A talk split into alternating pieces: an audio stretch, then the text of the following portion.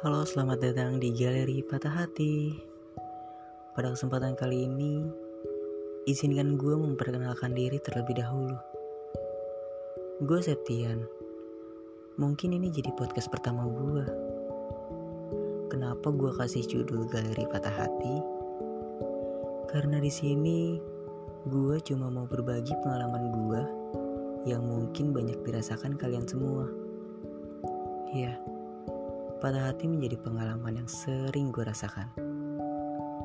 Emang sih, tanpa patah hati, kita nggak akan mungkin menemukan cinta sejati.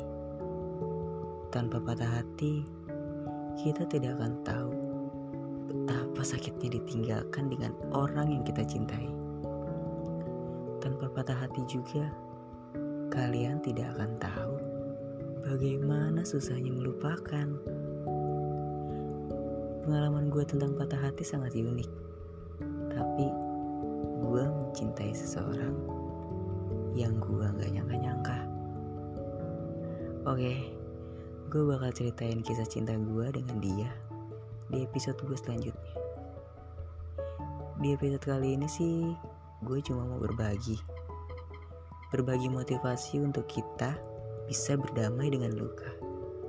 Berdamai dengan hati tanpa mengeluarkan air mata lagi. Simple sih. Jika kalian masih belum bisa melupakan dia, coba deh kalian berpikir sejenak. Gue kasih contoh gini. Usia gue 24 tahun. Gue pacaran sama dia 2 tahun. Lalu kita putus. Dan gue gak bisa move on dari dia sampai sekarang. Logikanya, kalau sekarang usia gue 24 tahun, dan gue cuma pacaran sama dia selama 2 tahun.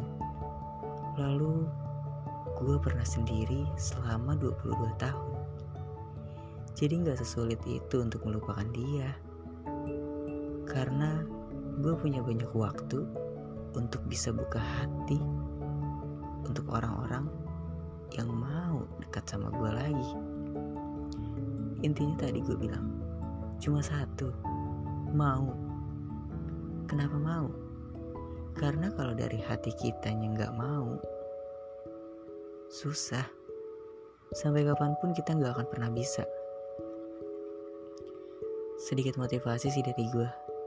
Dan jika kalian masih belum bisa move on juga, introspeksi diri deh.